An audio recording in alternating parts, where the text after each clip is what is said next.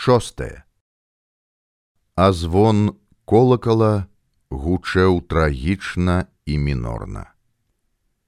Вынікі паўстання герцен падводзіць у артыкуле у вечнасць будучаму 1863 году ад 15 снежня 1863 года.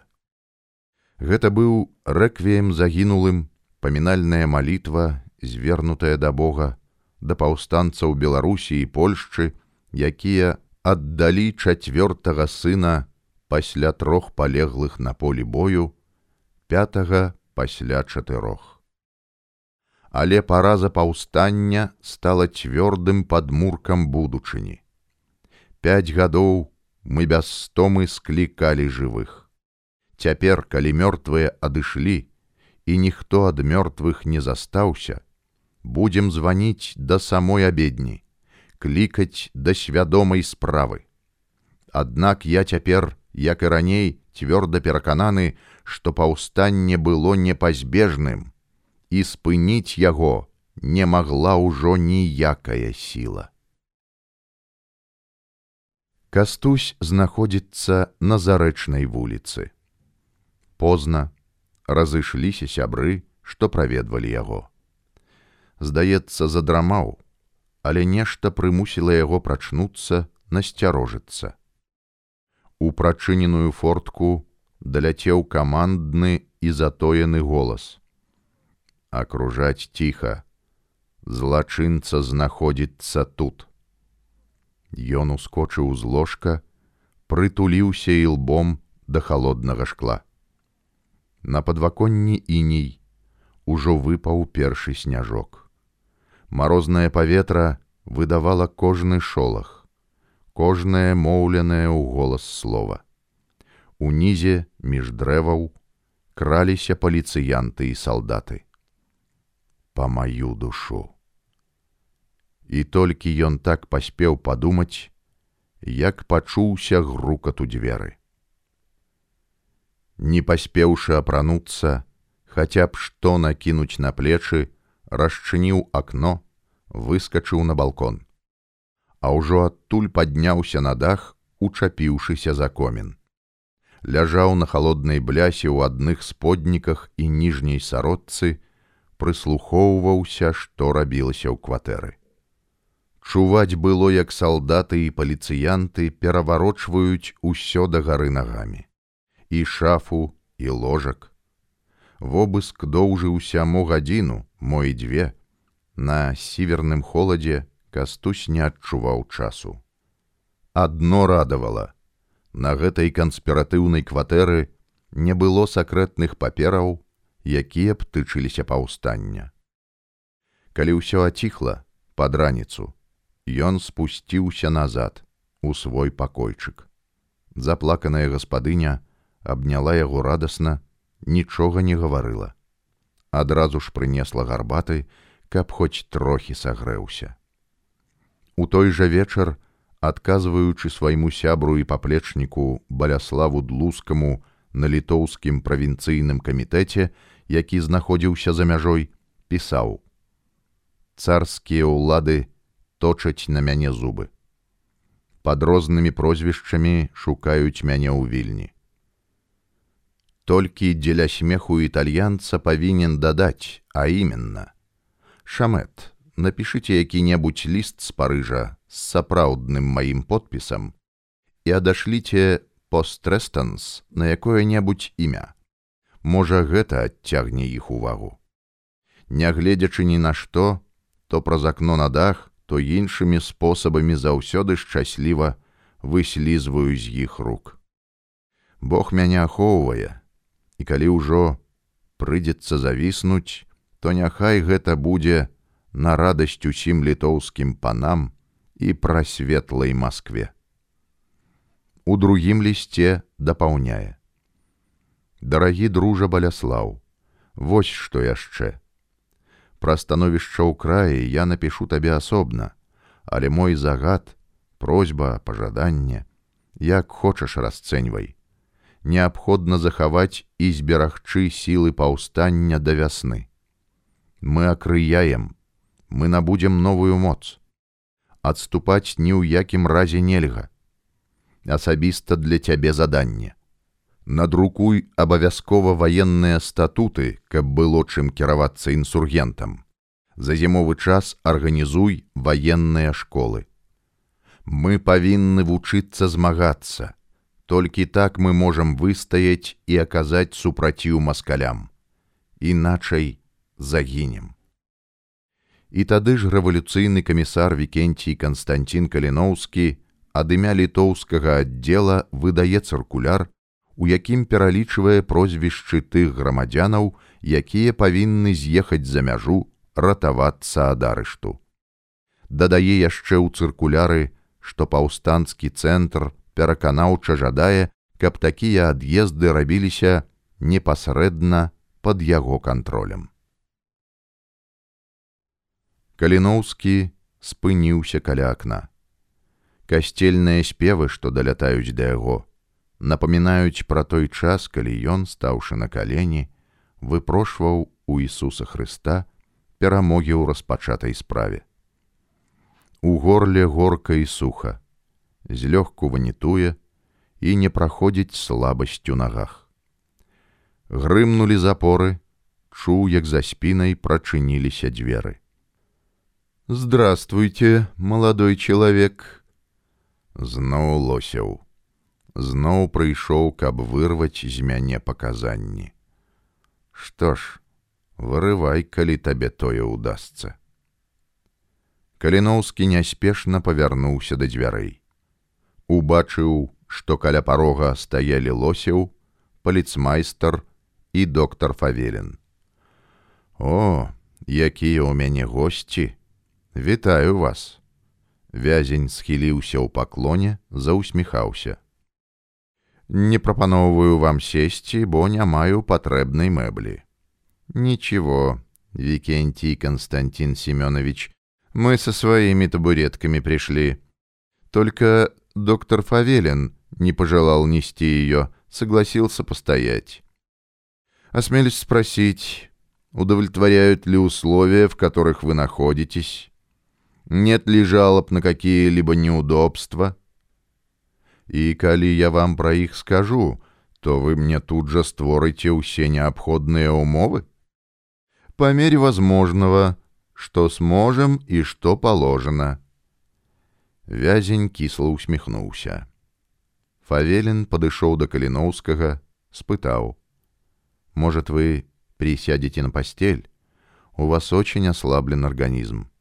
Дякую, доктор. Мне так лепш стаяць, бо баляць бакі ад жалезных прэнтаў. Лосеў разгарнуў папку, павярнуўся да асуджанага.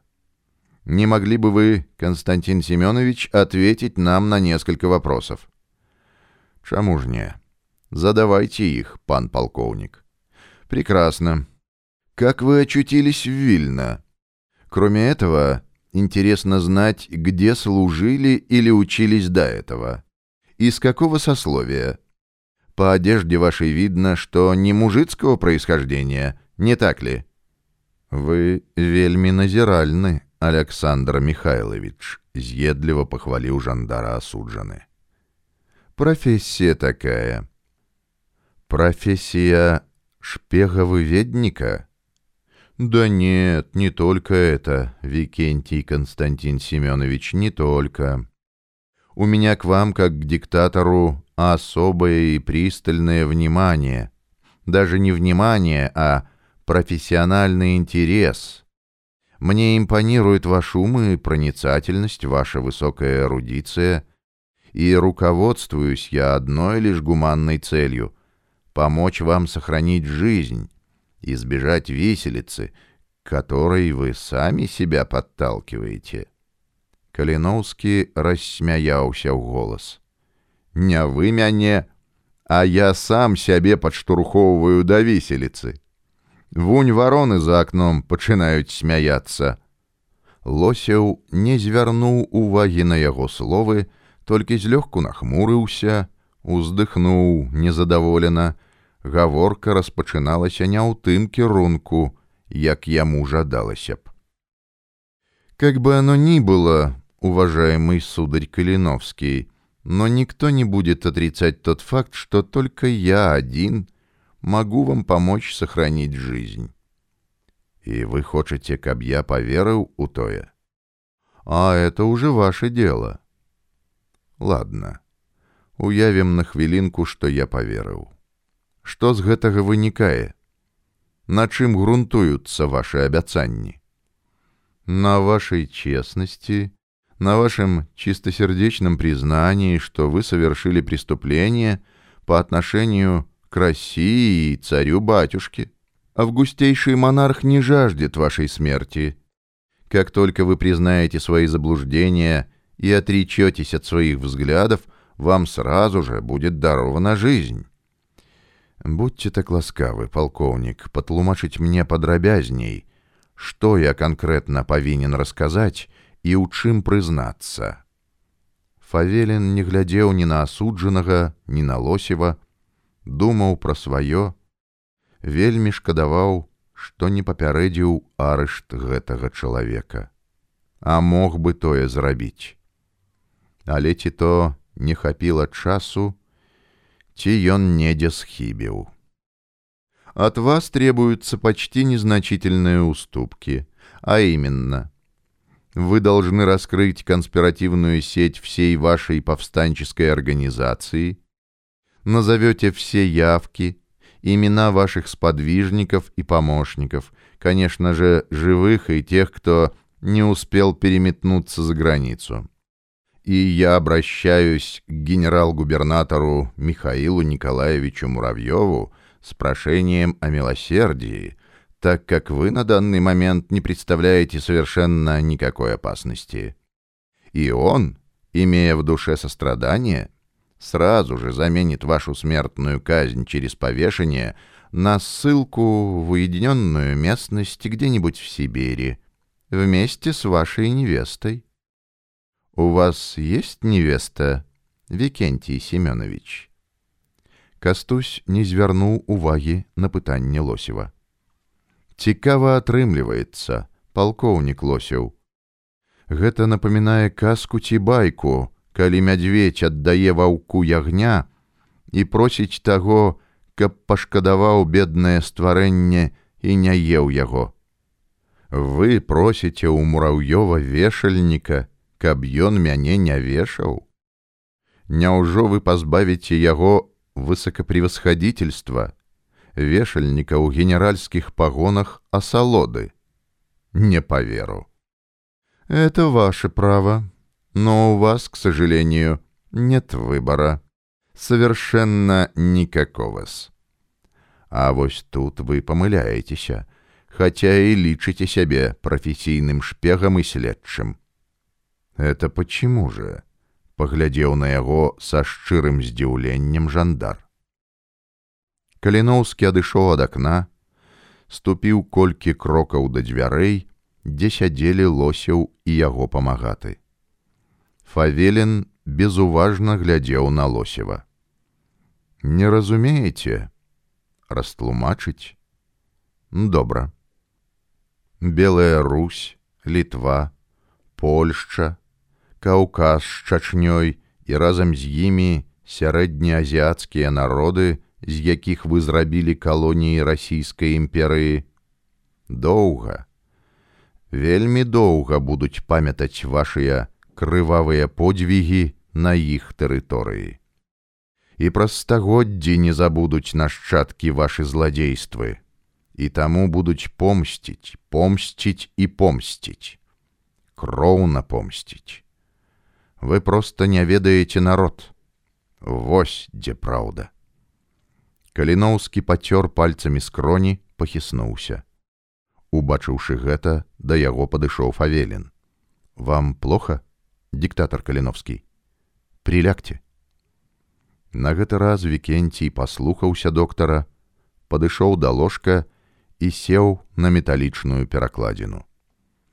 Лосеў, не устаючы з табурэткі, павярнуўся да вязня. Вы, из-за вашей правды, можете оказаться в безвестности, как и ваши соратники. вам выгоднее рассказать подробно о вашей борьбе, назвать имена сподвижников. Это пойдет в архив.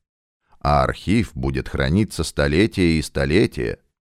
И вы через эти столетия подниметесь на пьедестал славы. Я хочу свободы моему народу, а не славы себе. А вас я разумею, полковник, вельмі разумею. Вы б дорага заплатілі за тое, каб я вам расклаў усё па палічках, на сподачку падаў вам ключ ад сакрэтаў нашага вопыту барацьбы, раскрыў стратэгію і тактыку, тэхналогію арганізацыі і згуртаванасці нашых касінераў. Гэта б для вас была гатовая інструкцыя па папярэджанні такіх паўстанняў у зародку. Але ж хіба можна папярэдзіць вывяржэнне вулкана, народнага гневу. Отбросим вулкан, Викентий Константин Семенович. Речь идет о вашей жизни. Восстание потерпело крах, и вам ничего не остается, как признать этот факт. А раз так, то вы признаете свое поражение, а побежденных мы строго не судим, при условии, если они согласны сотрудничать с нами. Я уверен, Ваши кассинеры в тюрьмах подтвердят мои слова, посоветуют выбрать жизнь. Они вам простят и то, что вы их втянули в бессмысленную борьбу. Проигравшие, мы все ровно перемогли вас. Показали, что мы — народ, а вы — захопники и душители. Ваш двухголовый орол усё роўна некалі абламае сваю крывавую дзюбу Лосеў устаў, стрымліваючы сябе, каб не перайсці на крык. «Вы забываетесь, осужденный. Я хотел вам помочь, но видит Бог. Не хотите добровольно? Хорошо. Пеняйте на себя, когда особая следственная комиссия армейских костоломов возьмет вас в свои тиски, вытянет из вас, выпотрошит все до ниточки». И еще. Вы заговорите на нашем языке, на том, которому учились в Петербурге. Напужаў ветер млын. Простите, о чем это вы? спытаў лосеў, не зразумеўшы слоў Викентия. Про тое, што не ў вашай уладзе забараніць мне гаварыць на мове маіх бацькоў.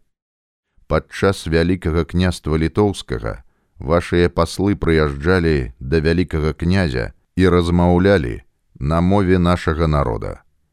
Таму і вы будете вымушаны слухаць мяне на маёй мове.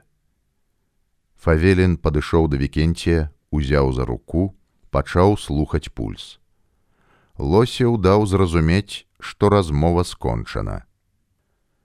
Вы крепкий орешек, Викентий Константин Семенович. И это мне нравится. Мне интересно, в удовольствие с вами работать.